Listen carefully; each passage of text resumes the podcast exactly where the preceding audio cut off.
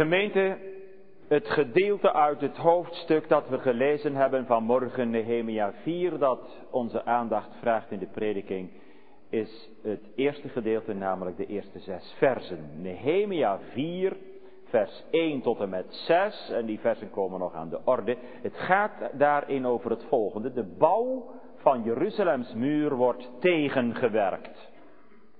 En dan zijn er drie aandachtspunten. In de eerste plaats letten wij op het wapen van de spot. Vers 1 tot en met 3. In de tweede plaats het wapen van het gebed. Vers 4 en 5.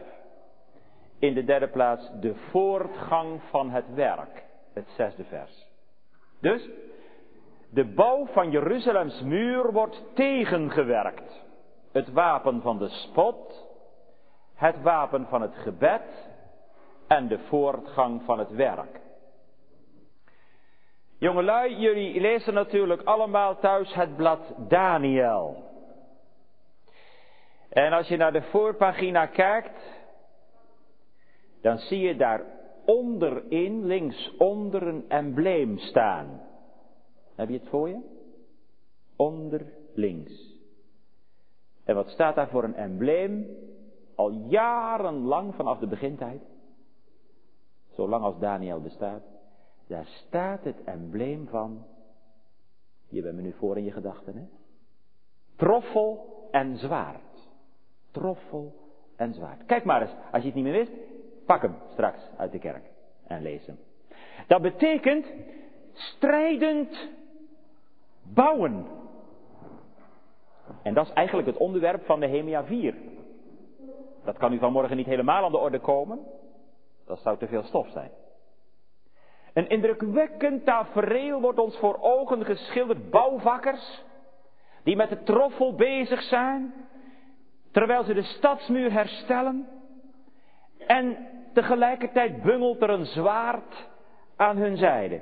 Ze zijn op alles voorbereid. Al bouwend zijn ze paraat om mogelijke aanvallen van de vijand af te slaan. Is dat dan echt nodig? Wat is er dan gebeurd?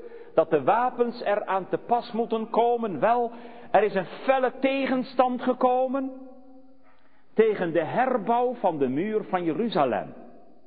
Geleidelijk aan zijn de spanningen opgevoerd, tot een hoogtepunt gestegen. In grote trekken hebben we dat zo straks gelezen in hoofdstuk 4. Als de taken verdeeld zijn en ieder zijn plaatsje gevonden heeft bij de muur, weet je nog, van vorige week, hoofdstuk 3. Is het grote werk tot de wederopbouw van de muur van start gegaan? En dan ben je geneigd om te denken, nou dat moet lukken. Dat zal ongetwijfeld goed gaan. Het is immers Gods wil dat de muur van de heilige stad weer herbouwd wordt. Als God erachter staat, kan toch niemand het meer tegenhouden? Ja, dat zeker. Maar dat betekent niet dat als God ergens achter staat, dat het dan altijd van een leien dakje gaat. Integendeel, dan gaat het meestal door strijd en beproeving heen. En dat is ook hier zo. Het verzet barst los. Reken maar, gemeente, jongelui, als je de hand aan de ploeg wilt slaan in het koninkrijk van God en ook in je eigen hart en leven. Als het gaat om concrete bekering, om te breken met zondige gewoonten en goede gewoonten in te stellen in je leven. Reken maar dat er dan ontzettend veel op afkomt om het niet te doen. De duivel maakt je wijs, ach, die zonde die is zo klein en zo onbetekenend. Daar mag je gerust aan toegeven. Of en spreid dat zomaar uit in je eigen leven. Het zijn altijd vaak mensen ook die er tegenop komen. Met spot en verdachtmaking of het zaaien van tweedracht. Dat gebeurt hier. Weet echter uiteindelijk achter alle tegenstand tegen de komst van Gods koninkrijk zit de duivel, de Satan, de tegenstander. En hij verschuilt zich altijd achter menselijke tegenstanders, critici, mopperaars of hoe je ze ook noemen moet. Maar het is de duivel die erachter zit. Hij is de permanente tegenstander van God en van zijn volk. En van al het werk in Gods koninkrijk. En hij zorgt wel voor oppositie. Op menselijk niveau. Om mensen tegen te werken die God gehoorzaam willen zijn. Om de hoop te verstoren en de vrees in te boezemen en door alle spanningen die dan ontstaan, de mensen te verlammen, zodat ze niets meer kunnen doen. Als u de vingerafdrukken van Satan in bepaald, op bepaalde gebeurtenissen ziet staan, dan kunt u gevoeglijk aannemen dat hij zelf actief is om Gods plannen tegen te werken. Ook als hij zichzelf uit het zicht houdt. In Nehemia 4 komen ze opnieuw tegen. De tegenstanders van de herstelwerkzaamheden van de bouw van de muur van Jeruzalem. Tobia, Gesem en Sambalat. Ze zijn al eerder actief geweest. We herinneren ons dat nog. Dat Nehemia onder druk van de vijand eens een keer zo duidelijk zijn toevlucht genomen heeft tot God. Dat was vorig jaar met biddag. Herinner ik me, heb ik daarover gepreekt. De God van de hemel. Die zal het ons doen gelukken. En wij zijn knechten zullen ons opmaken en bouwen. Hier is de vijand opnieuw actief. Kijk maar eens in vers 1. Hoofdstuk 4, vers 1. Maar het geschiedde als Sambalat gehoord had dat wij de muur bouwden, zo ontstak hij. Hij werd zeer toornig en hij bespotte de Joden. Sambalat, een van de landvoogden om het gebied van Judea heen, wordt werkelijk woedend, kwaad, agressief. Dat moet ons niet verbazen, want uiteindelijk zit daar dus die briesende leeuw achter, die alles zoekt te verslinden wat met God en zijn koninkrijk te maken heeft. Waar God zijn kerk bouwt, daar zet Satan onmiddellijk zijn kapel naast.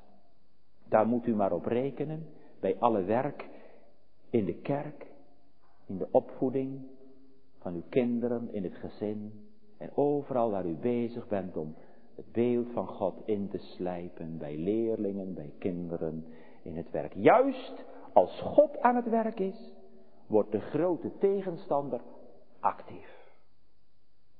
Waar u leeft in afhankelijkheid van de Heer en wordt ingeschakeld om mee te bouwen in het koninkrijk van God, dan krijg je altijd tegenstand.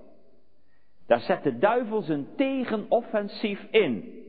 En hij mobiliseert al zijn handlangers om te verstoren. Zoals God mensen inschakelt om te bouwen aan Jeruzalems muur, zo weet de boze ook wel een paar mannetjes te vinden om dat bouwen tegen te gaan. Daar zijn ze al. Sambalat, Gesem en Tobia.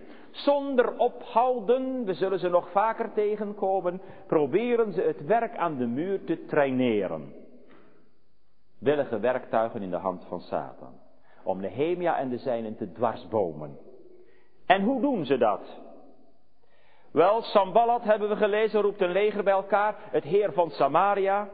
En hij houdt een brallende toespraak, waarin hij de Joden openlijk bespottelijk maakt. Dat doet hij in vers 2.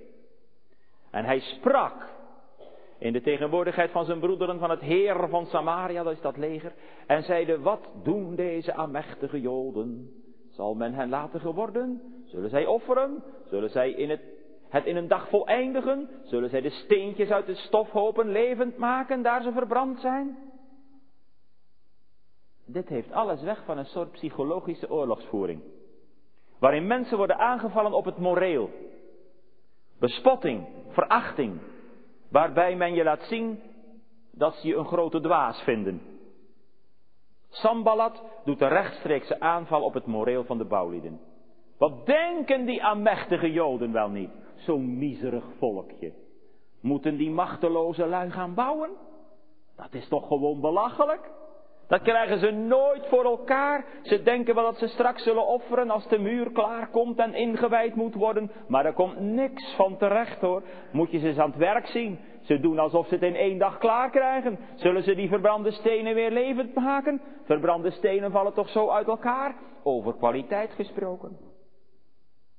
Eigenlijk overschreeuwt Sambalat zichzelf. Want in feite waren natuurlijk alleen maar de poorten, de houten poorten met vuur verbrand. En de muren waren gewoon omvergehaald. Hij weet drommels goed dat de Joden niet zo zwak zijn als hij zegt. En dat het heel reëel is dat straks de muur van Jeruzalem een keer klaar komt. Daar houdt hij wel degelijk rekening mee. Ten diepste is hij alleen maar verontrust en bang. Hij overschreeuwt zijn angst. En die Tobia, jongens en meisjes, die doet er nog een schepje bovenop. Hij praat naar de mond van Sambalat. Kijk maar in vers 3. Dan komt Tobia nog eens en de Ammoniet. En hij zei, al is het dat ze bouwen, zo er een vos opkwamen, hij zou hun stenen muur wel verscheuren.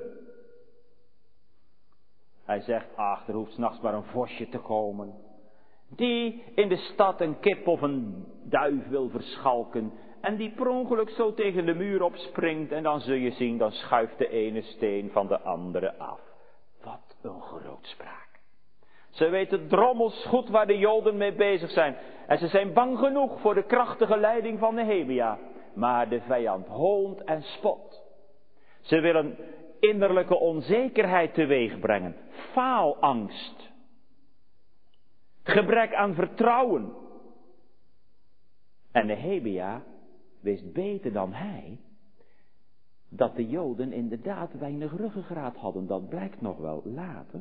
En dat het een enorme klus was om dit werk te doen.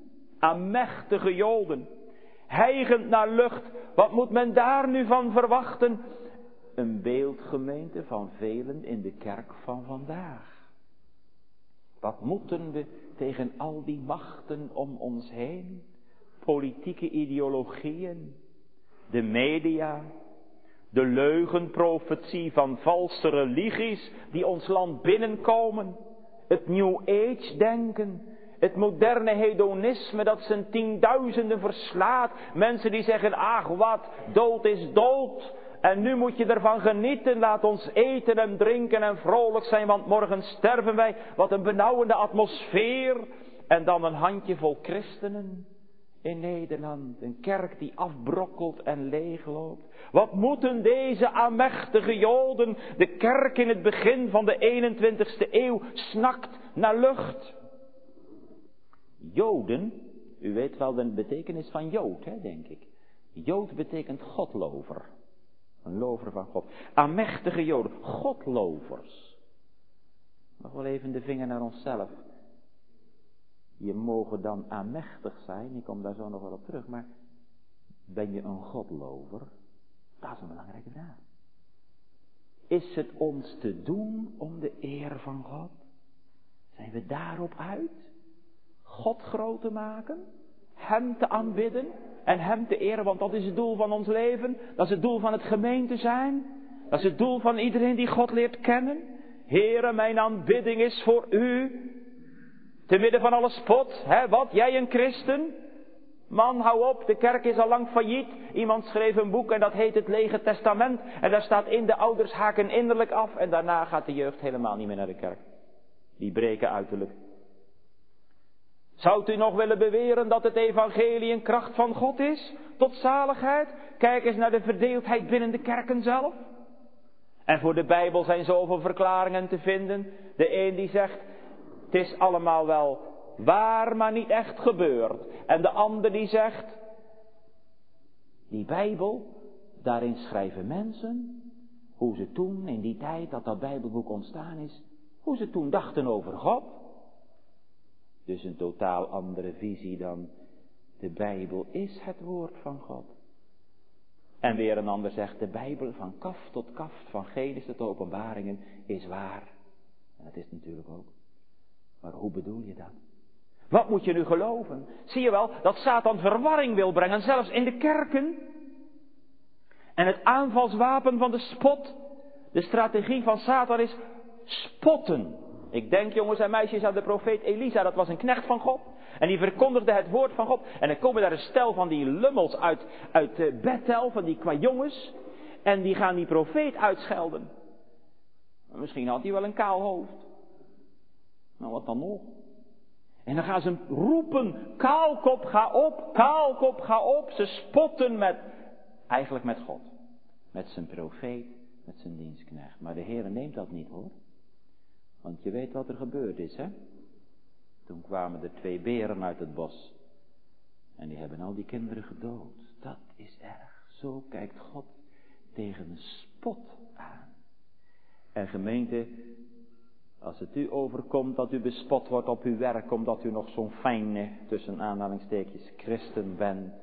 Of dat u behoort tot zo'n zware kerk. Als u het moet verduren, de Heer Jezus zegt, zalig zijt gij als u de mensen smaden.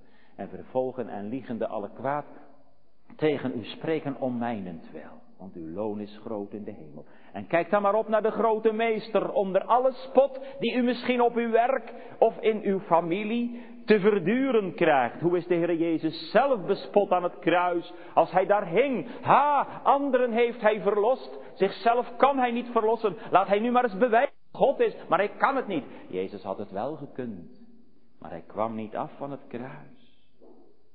Maar ook die jonge gemeente op Pinksteren. Als de discipelen Gods grote daden verkondigen, dan zie je het weer, de spot, door alle eeuwen heen. Ze zijn vol zoete wijn.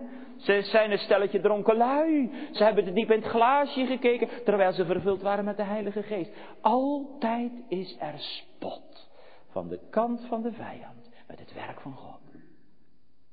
Spot als een venijnige dolksteek. Met iemand spotten betekent eigenlijk dat je die persoon niet serieus neemt. Daar hoef je geen rekening mee te houden. Want die telt toch niet mee. Herkent u dat als ouderen misschien? Uw kinderen, die spotten met u en met uw godsdienst. En die zeggen, ja, dat geloof van moeder. Gelukkig dien ik een andere God. Kan pijnlijk zijn. Jongeren op school, kan pijn doen als iemand je belachelijk maakt. Op school of op je werk. Als je voor je principes uitkomt. En je wordt voor achterlijk versleten of voor ouderwets. En je staat te kijken als een vrome refo. Of een softie. Dat kan heel hard aankomen in je leven. Spot kan des te gemener zijn als het over mensen gaat die van huis uit niet vreemd zijn aan de dingen van Gods koninkrijk. Als mensen gaan spotten die er zelf bij opgevoed zijn. Die doen het het gemeenst. Zo was het bij Sambalat. De Samaritanen waren immers half Joods, half Heidens. En van zulke tegenstanders heb je nog het meeste te duchten. Wie een kerkelijke achtergrond gehad heeft, is soms nog hatelijker dan zomaar een buitenkerkelijk iemand. De boeken van Maarten Hart en Jan Wolkers zijn wat dat betreft onthutsend en onthullend. Met God en zijn volk en zijn dienst wordt altijd gespot. Laat Nehemia zich nu door die spot van de vijand uit het veld slaan? Nee. En gemeente, dat hoeven wij ook niet te doen. Want waarom maken die mensen zich eigenlijk zo druk? Aan het bouwen van de muur als dat niets voorstelt, en zo spotten die, die, die drie landvoogden, waarom lopen ze dan zo zenuwachtig rond te kijken hoe het met de bouw gaat? Spot kan wel pijn doen, maar in feite is het een bewijs van onmacht. Het bezorgt Nehemia gelukkig geen slapeloze nachten. Hij wordt er nog niet moedeloos van al die hoon die over hem uitgebraakt wordt. En dat is wel een wonder, gemeente, want in onszelf zijn wij zo zwak. Dat wij geen ogenblik kunnen bestaan. En de vijand treft vaak precies in de roos. Wat zullen die amechtige Joden? Amechtige Joden. Amechtig. Misschien voelt u zich aangesproken vanmorgen hier in de kerk. Amechtig. Zuchtend onder uw zonden. Verlangend naar de Heere. En naar de ontmoeting met de Heere. En om met God verzoend te mogen worden. Zoals een hert schreeuwt naar de waterstromen, zo dorst mijn ziel tot u, o God. Wat kan je hart verlangen dat het weer helemaal goed komt tussen God en je ziel? Wat kun je ermee bezig zijn en lezen in de Bijbel of je God mag vinden?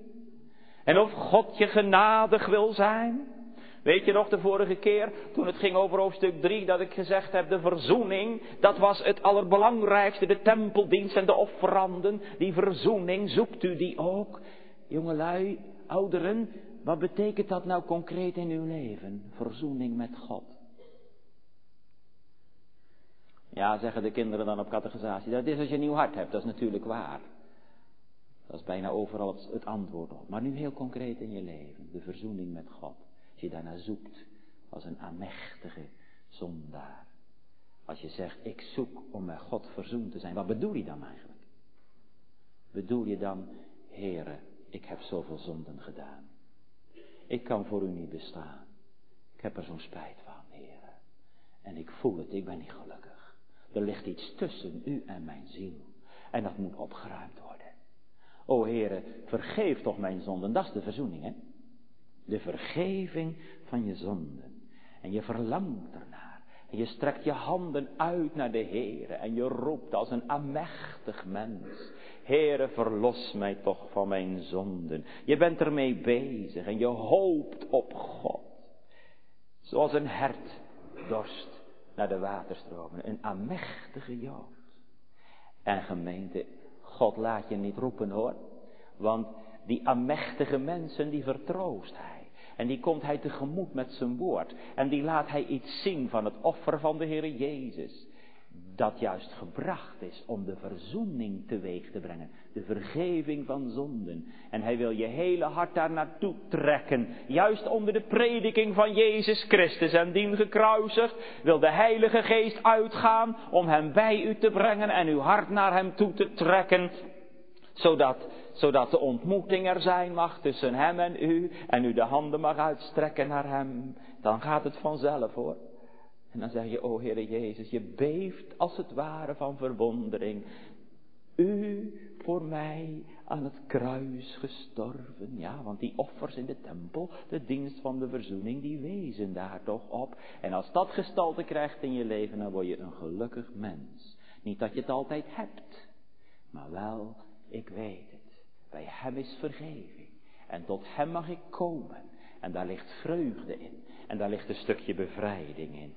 Amechtige Joden, mensen die snakken naar lucht, naar ruimte, naar bevrijding, maar die is er hoor, in Christus. En tot Hem mogen we gaan, met de nood van ons leven. Nehemia wordt niet boos. Hij slaat niet terug zo meteen lik op stuk geven, weet u wel, dat ligt ons nogal. Zij schelden, dan wij ook. Zij een grote mond, dan wij een nog grotere mond. Gemeente, dat is het vlees. En hoe vaak gaat het niet zo onder ons? Dan nemen we te weinig een voorbeeld aan de grote meester. Die toen hij gescholden werd niet wederschold. En als hij leed niet dreigde, maar het overgaf aan hem. Die rechtvaardig oordeelt. Nou kijk, en dat doet Nehemia nou ook. Tegenover dat wapen van de spot gebruikt Nehemia het wapen van het gebed. En dat is onze tweede gedachte. Het wapen van het gebed. En dat gaan we lezen in vers 4 en 5.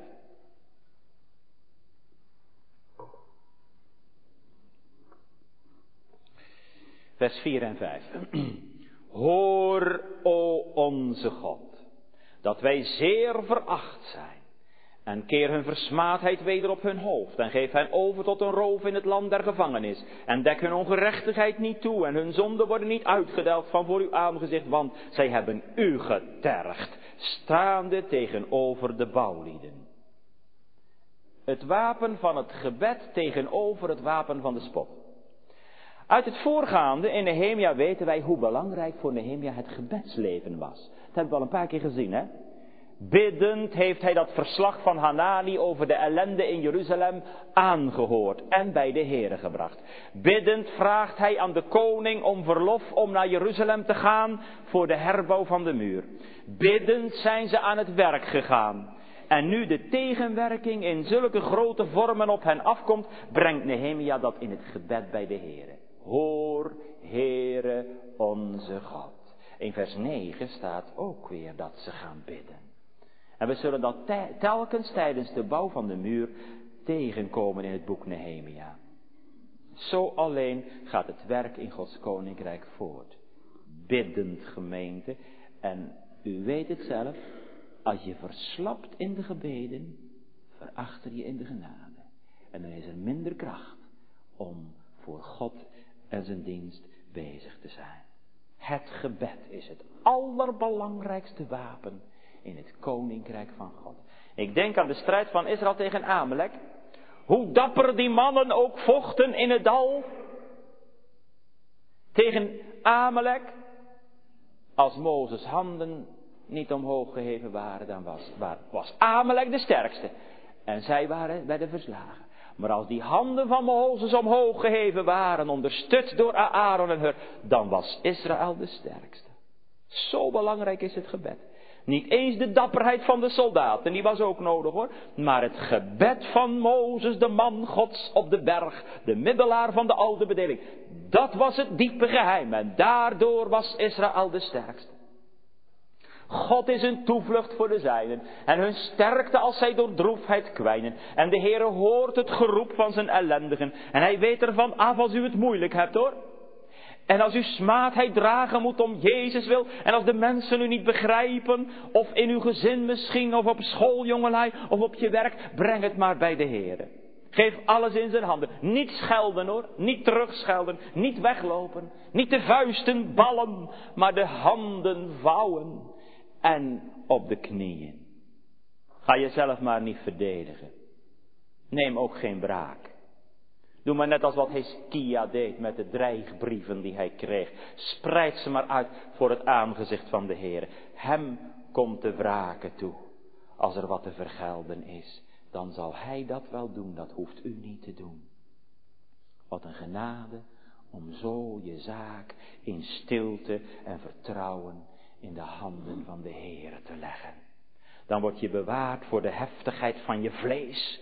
En dan zeg je, zoals we het gezongen hebben vanmorgen. Heere, twist gij mijn twistzaak. Dan kun je gerust aan de Heere overlaten. Alles wat u zo moeilijk vindt. En alles wat u zo neerdrukt. En alles waar u niet tegenop komt. Omdat u zo'n kleine kracht hebt. Tegen zo'n grote menigte van vijanden. Nehemia weet dat de bouw van Jeruzalem naar wereldse maatstaven gemeten een armoedige indruk maakt. Hij weet dat er alle reden is om vraagtekens te zetten achter het welslagen van heel die grote onderneming, als je het menselijk bekijkt. Met ongeschoolde krachten en materiaal dat niet eens van de beste kwaliteit is. Nehemia weet echter ook, dit is niet mijn zaak, maar Gods zaak. God heeft hem geroepen in Perzië om de herbouw ter hand te nemen. God is zo almachtig. De goede hand van God was tot dusver over zijn werk. Zou de psychologische oorlogsvoering van Sambalat dan alles nog kunnen verijdelen wat God hem heeft beloofd en wat God hem in zijn hart gegeven heeft? Nee, Heer, ik kom tot u. Hoor naar mijn gebed. Hoor, Heere, onze God. En neemt u het voor ons op. Nehemia pleit op de belofte van steun die God hem gegeven heeft. Onze God. Hoor hoe wij gehoond worden. Nehemia vraagt of de Heere het verzwakkende effect van Sambalats woorden wil omkeren door opnieuw frisse kracht en vertrouwen te schenken aan de bouwteams die bezig zijn met het optrekken van Jeruzalems muur. Maar misschien bent u toch ook wel een beetje geschrokken van dat gebed van Nehemia. Want dan moet u eens horen, u kunt het wel meelezen, maar dan moet u eens horen. Hij zegt, oh dit. Keer hun versmaadheid op hun hoofd. Geef hen over tot een roof. Dek hun ongerechtigheid niet toe. Hun zonden worden niet uitgedelgd. Dat is even wat. Hoe kan dat? Bidt Nehemia nu om wraak voor zijn vijanden? Mag dat? Mag je zo bidden? Bidt hij om de eeuwige ondergang van zijn vijanden? Hebt u daar geen moeite mee, gemeente? Huivert u daar niet bij? Mag je wel zo bidden om wraak, de wraak van God over de vijanden? Om vergelding van hun zonden? Is dat niet typisch oud-testamentisch? Ja, inderdaad. Daar kom je zulke gebeden vaker tegen. Het meest nog in de psalmen. En dan spreken we over vloekpsalmen. Of wraakpsalmen. Waarin de dichters de straf van God over de goddelozen afbidden. Mogen wij dat doen? Heeft de Heer Jezus het ons niet anders geleerd? Dat botst toch met zijn eigen woorden als hij zegt, zegent hen die u vloeken en bid voor degenen die u geweld aandoen. En wat deed hij zelf? Toen hij aan het kruis gehangen was, heeft hij toen niet gebeden voor zijn vijanden, Vader vergeef het hun, want ze weten niet wat ze doen. En bad Stefanus in navolging van zijn meester niet voor zijn stedigers, heren, reken hun deze zonde niet toe. Is dat niet meer onze roeping? Bidden voor de spotters en smeken om bekering in plaats van hun verderf. Niet hun ondergang, maar hun behoud. Nou, dit is ook allemaal waar wat ik nu zeg. En toch gemeente moeten we nu wel even goed opletten waarover het gaat. Wie denkt dat Nehemia hier uit is op persoonlijke wraak, die vergist zich. Want niet Nehemia is de beledigde persoon. Maar de God van Israël is de beledigde persoon. Er staat ook zo duidelijk, ze hebben hem getergd met hun laster en spot. En dat kan Nehemia niet verdragen. Kijk nog eens naar het slot van vers 5. Daar, daar zegt hij het onomwonden. Want zij hebben u getergd tegenover de bouwlieden.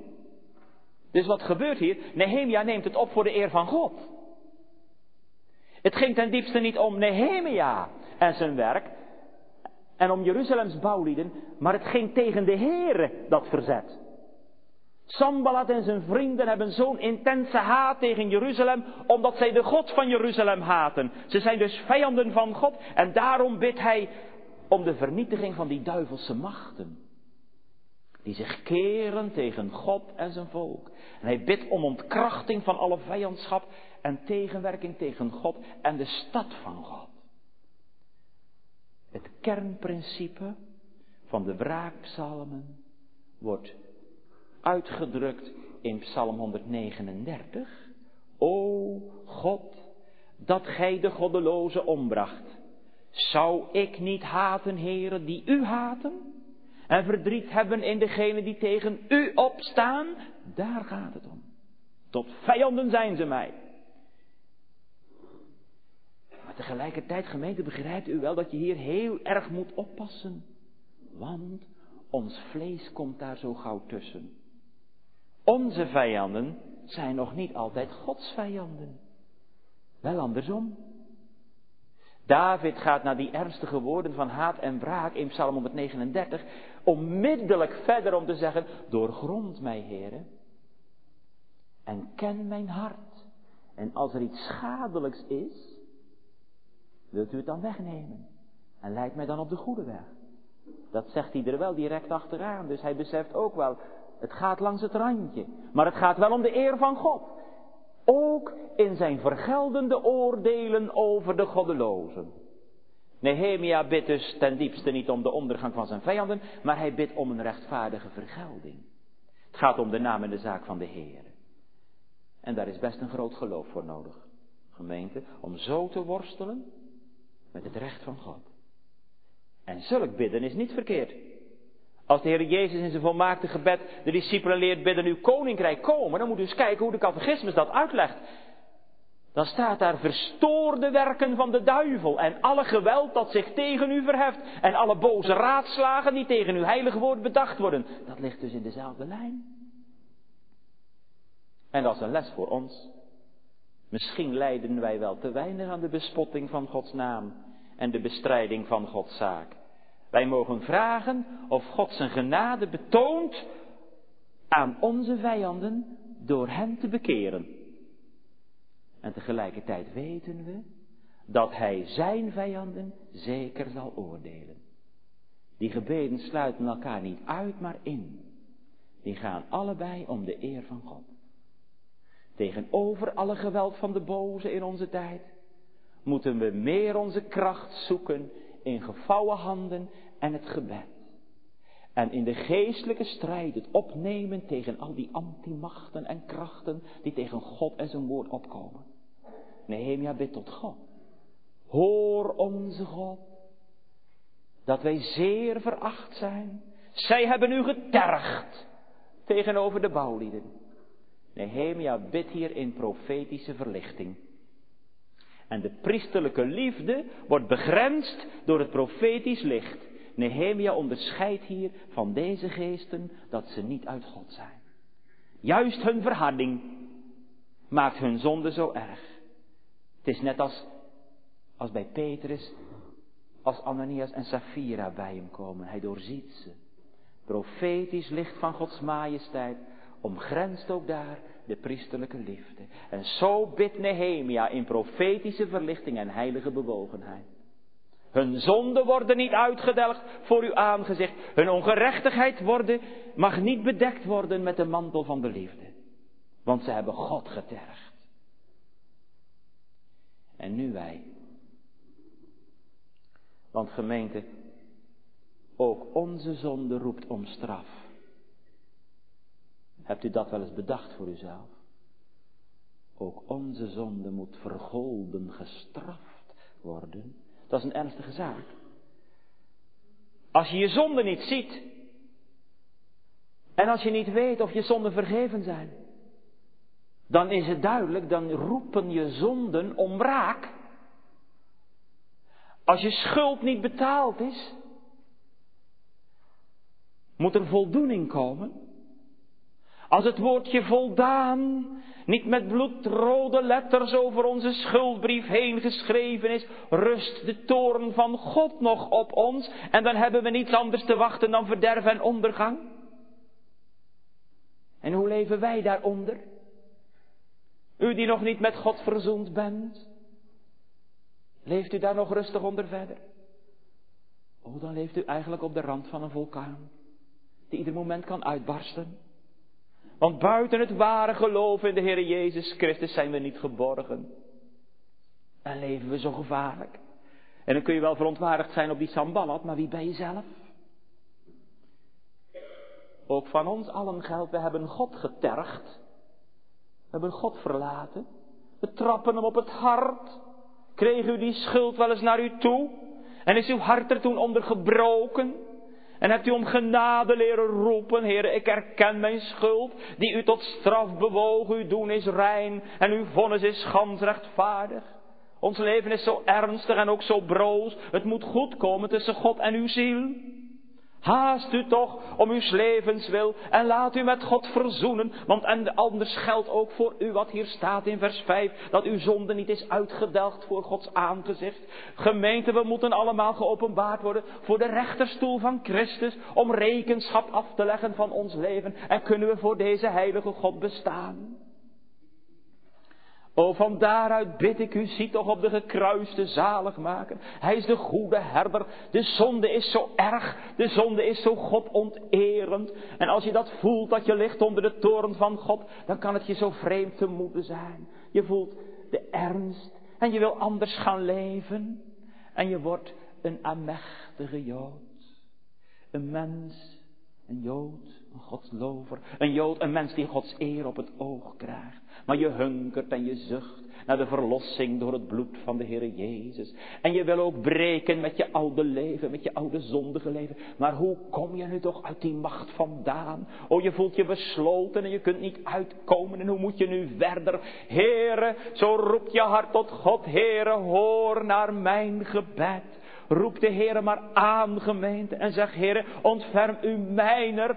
Ik ben zo arm en ongelukkig in mezelf, maar ik heb gehoord dat u een zaligmaker bent die gewillig is om zondaar zalig te maken. O, mag ik me dan aan u overgeven, Heere Jezus? Want uw bloed dat reinigt van alle zonde. Heb u het wel eens mogen zien, gemeente, de kracht van dat bloed? En dat het in hem gelegen is, al was het misschien niet zo dat u hem al mocht eigenen als uw zalig maken, maar dan moet het wel naartoe.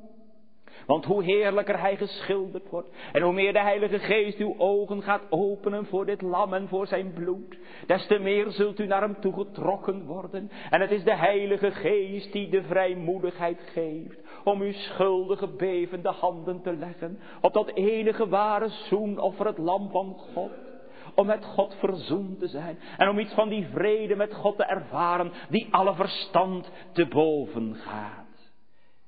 Zo mag u gaan, bevend, schuldig, ellendig in uzelf. Heer, ik kom tot u. Hoor naar mijn gebed. Vergeef mijn zonden nu. Vader, ik heb gezondigd tegen de hemel en voor u. Ik ben het niet waard uw kind te zijn. Ik heb het verspeeld, Heer, maar als zou ik nou maar een knechtje mogen wezen in uw huis, dan ben ik toch dicht bij u. Ik kan u niet missen, o God, want dan voel ik me zo ongelukkig. Wie zijn zonde beleidt en laat, die zal barmhartigheid geschieden. Die zal het niet vergaan zoals Sambala. Nee, wie zoekt die vindt. En wie klopt die wordt open gedaan. Tot zover onze tweede gedachte. Het wapen van het gebed. Verzet tegen de bouw van Jeruzalems muur. We hebben gelet op het wapen van de spot, het wapen van het gebed. Maar we zien dat het toch gelukkig mag doorgaan. De voortgang van het werk. Wij lezen vers 6. Doch wij bouwden de muur, zodat de ganse muur samengevoegd werd tot zijn helft toe, want het des volks was om te werken. De voortgang van het werk. Wat is dat mooi, door het gebed van Nehemia wordt de spot van de vijand krachteloos gemaakt. De bouwers grijpen weer moed om door te gaan, hoewel alle verzet nog niet is opgeheven. Dat hebben we wel gelezen in het vervolg van het hoofdstuk. Dat naarmate de bouw vordert, de vijand nog meer boos wordt en ze een coalitieaanval gaan beramen op het Joodse volk dat aan het bouwen is. Maar opnieuw bidden ze tot God, vers 9. En Nehemia stelt bewakers aan. En hij bemoedigt de mensen, vreest niet voor hun aangezicht. Denkt aan die vreselijke en grote heren. En strijd voor uw broederen. Ze organiseren het, ze blazen op de bazuin. Als er gevaar is, dan kan Israël bij elkaar komen om de vijand te weerstaan. En ze, ze werken dag en nacht, zou je haast zeggen, tot de sterren verschijnen. En bij het eerste krieken van de dagen beginnen ze al, ze doen de kleren niet eens uit, gemeente, dan ben je toch wel hard bezig. Dat is een geweldig werk geweest. We hopen daar een volgende keer nog wel eens op te letten. Voorlopig komt de lijdenstijd aan. Als de Heer ons leven geeft, dan hopen we daar later mee verder te gaan. Nu alleen nog het zesde vers. Nehemia heeft alles in Gods hand mogen leggen. Er gaat rust van hem uit. Bezieling Zoveel zelfs dat het volk gewoon verder bouwt. Het staat er zo simpel, hè? De spot van de vijand, Nehemia bidt en dan, doch wij bouwden de muur. Je zou bijna zeggen, hoe meer spot, hoe harder ze werken. De bressen gaan zich sluiten en de muur wordt voltooid tot op de halve hoogte. Wat is dat mooi, zodat hier mogen lezen. Doch wij bouwden aan de muur. Er zijn mensen die bang zijn en die bidden en die dan maar afwachten. Wat er gebeurt. Lam geslagen. Dat doet Nehemia niet. We kennen het spreekwoord bid en werkt. Niet alleen bidden, maar ook werken. Ook nu de omstandigheden hier zo zijn. Nehemia combineert het goddelijke met het menselijke. Gods Gods zegen, daar zijn ze van afhankelijk, maar Hij spoort ze aan om ijverig te werken aan de muur. Zo gaat dat toch, gemeente? Jongelui. Niet alleen bidden, maar ook hard werken. En dat is op school. Met examens bijvoorbeeld, of de proefwerken. Bidden. Of God het zegent. Ja, wat zegent? Ja, wat je geleerd hebt toch? Dat gaat, gaat toch samen op? Je bidt om Gods zegen over je werk ijverig bezig zijn. En dan God zegen erover. De Heere wist nu van al hun problemen af. Ze hebben het in de hand van de Heere gelegd. En nu vertrouwen ze erop dat de Heere hen zal helpen om hun doel te bereiken. Al bidden bouwen ze de muur. Tot op halve hoogte komt hij al. Het werk nadert dus langzamerhand zijn voltooiing. En dan staat er nog iets moois gemeente.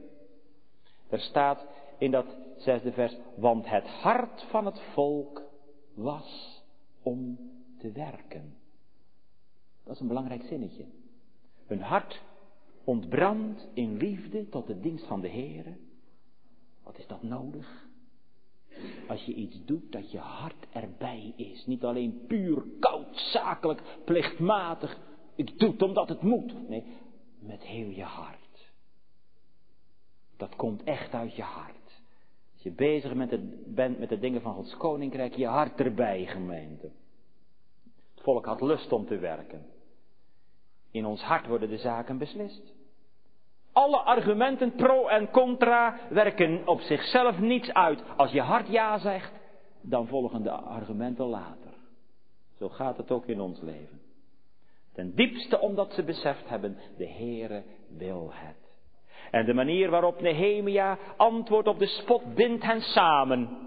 En des te ijveriger gaan ze verder met hun werk. En ze weten, het zijn niet onze plannen, het is niet onze zaak, maar het is de zaak van God. Ze zijn met Gods zaak bezig en dat heeft hen gegrepen. En Nehemia weet ook zo duidelijk dat de Heer hem daartoe geroepen heeft. En dat hij de weg gebaand heeft. En dat hij de dingen tot hiertoe geleid heeft. Door zijn vertrouwen op God blijvende Joden gemotiveerd en bezield. Dat is ten diepste hun innerlijke kracht. En gemeente, jonge mensen, dat is nog zo. Als je je werk met heel je hart doet, komt er veel tot stand. Wat een werklust. Niet omdat het moet, of omdat de tijd gevuld moet worden. Of dat er een slavendrijver achter je staat die zegt en denk erom als je niet hard genoeg werkt, dan krijg je klap met de zweep. Nee, maar omdat ze het zelf zo graag willen. Dat is het geheim gemeente van alle arbeid in Gods koninkrijk. De dienst van de Heere is een liefdedienst. Herkent u dat niet? Zijn dienst is een liefdedienst. Zou jij, zou u graag iets willen betekenen in het koninkrijk van God? Werken voor de Heere? Om jaloers op te zijn wat hier gebeurt in Jeruzalem.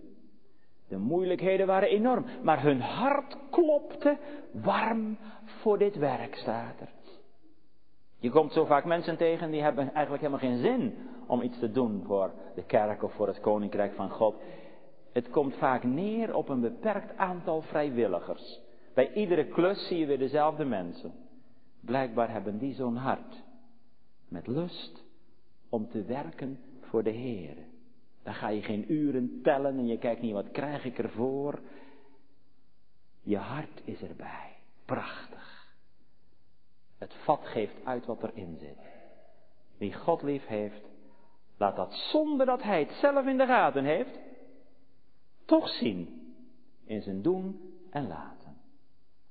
Het zou wel eens kunnen zijn dat ook het vrijwilligerswerk in de kerk samenhangt met onze houding ten opzichte van de Heer Jezus. Vanuit de liefde tot Hem is er zoveel lust om iets te doen voor de zaak van Gods koninkrijk. Er is zoveel te doen. Bouwen en bewaren. Werk in de kerk naar binnen toe. Leiding geven. In het verenigingswerk, ik noem maar even iets. Naar buiten toe, in dienst aan de naaste, getuigenis onder kinderen, onder volwassenen, bezoek, meeleven. Het gaat er maar om, gaat je hart er naar uit? Is het een zaak van je hart? Daar vallen de beslissingen.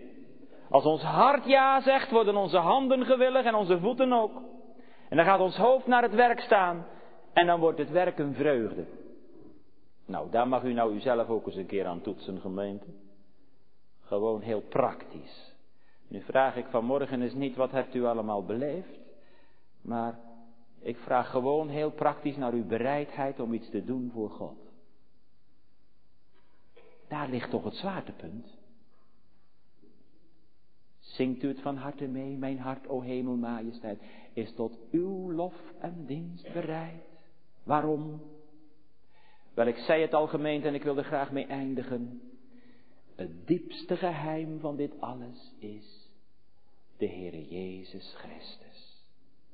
Onze ijver om iets voor God te doen hangt samen met onze verhouding tot Hem.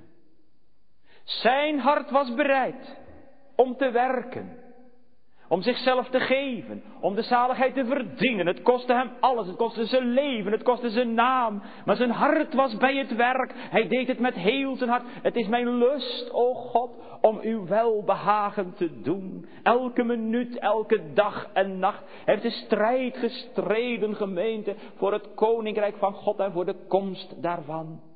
En hij heeft de overwinning behaald. O mag ik u nog eenmaal wijzen op die ene aanmächtige Jood. Jezus Christus. Daar hangt hij aan het kruis. Bespot en verlaten. En hij hijgt naar lucht, hij is aanmächtig in de meest letterlijke zin van het woord. Want doordat hij hangt aan die scheurende wonden aan het kruis, wordt zijn borstkas helemaal in elkaar gedrukt. Daar hangt hij, zuchtend, vanwege onze zonde. Bespot en veracht, want ze roepen het hem toe. Hij heeft het op God gewendeld. Maar, maar hij komt niet af van het kruis. Want hij hing daar als borg. In onze plaats. Bespot. Veracht. Zijn bloed vloeit uit zijn wonden omlaag. De pijnscheuten gaan door zijn lichaam. Zijn ziel is gebroken onder Gods afwezigheid op Golgotha. Want als hij steun zoekt om zich heen en een beroep doet op God, heeft God hem verlaten. Maar juist toen, toen hij uitriep, mijn God, mijn God, waarom hebt ge mij verlaten? Juist toen hij zwak was, toen was hij machtig. Hij vond ruimte. En hij kon weer adem scheppen, want de duisternis wijkt en Gods zonlicht schijnt weer. Als de verzoening is aangebracht, als hij mag uitroepen, het is volbracht. O gemeente, zie toch op deze aanmächtige jood als uw leven uw lief is. Jongens en meisjes, als je God zoekt, maar ook als je hem niet zoekt, jullie allemaal. Ik vraag jullie, zie op deze aanmächtige Jezus. Wie in hem gelooft zal leven, al ware hij ook gestorven. Hij heeft de overwinning behaald op alle vijanden, zonde, duivel en dood. Hij behaalde de overwinning. Deze borg en zaligmaker is zo gewillig om je te redden. Hij strekt vanmorgen zijn zaligmakersarmen tot u, tot jou uit. En hij zegt, wie is slecht, hij keren zich herwaarts en hij bekeren zich tot de Heer. Er is vergeving, menigvuldige vergeving. Ik heb mijn bloed gestort aan het kruis. O, leg je schuldige handen op het lam. Strek ze uit naar hem. En als je zegt, ik kan het niet, zeg dan maar, Heilige Geest, neem mijn handen en legt u ze op het lam. Want om met God verzoend te zijn, moet er verbondenheid zijn met Christus Jezus. De geloofsomhelzing van Hem volgt altijd. Op het zien van Zijn heerlijkheid, dan gaat daar zoveel trekkracht van uit, dat je niet anders meer kan dan zeggen, Heere, dan kom ik zoals ik ben, arm en naakt, tot U de God die zalig maakt. O, wie geborgen is in deze Heere Jezus Christus, die is voor eeuwig geborgen en u die God vreest. Hoe vaak zijn wij vaak niet aanmächtig. Maar we weten het. Hij ging ons voor. Zwak in onszelf. Maar alles vermogen door Christus die ons kracht geeft. En zelfs in de diepste smarten en in de hoogste aanvechtingen en in de diepste dalen van depressie en pijn. Mogen we het weten, Hij houdt zijn schapen vast. Niemand zal ze uit zijn hand rukken. Ook als u hem niet meer vast kunt houden, dan houdt hij zijn schapen vast. Gods kinderen mogen het weten, als ik zwak ben, dan ben ik machtig. Amechtig, jawel, hijgend naar adem in deze door de zonde bedorven dampkring, maar toch verlost en bevrijd. En dan mogen we ademen in de ruimte van Gods eeuwige liefde, in de Heer Jezus Christus. En dan mogen we met Nehemia zeggen, onze God zal voor ons strijden. En zo God voor ons is gemeente, wie zal tegen ons zijn? Niets. Niemand. Om die ene aanmächtige Jood, die gestorven is aan het kruis, om Jezus wil. Amen.